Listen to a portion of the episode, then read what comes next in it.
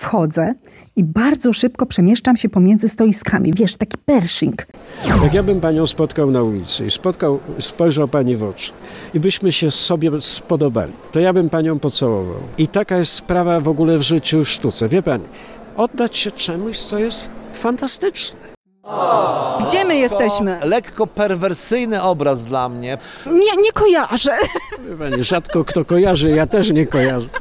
Miał na myśli to, co miał na myśli. No bo będę przewrotny, powiem, że Marilyn Monroe. ale- No, nie wiadomo, czy się uwalnia, czy właściwie coś burzy. Słucham jak urzeczona. I jak wyszło? No wie pani, w trakcie fantastycznie jak się przebudziłem, to był koszmar, ale... No, no, mężczyzn. No, nazwijmy to uczciwie mężczyzn w podeszłym wieku w smokingach. Co uwaga, to zdejmował, a się rozebrał do naga. Już w ten czwartek. Tylko na dawno temu w sztuce. Byczo.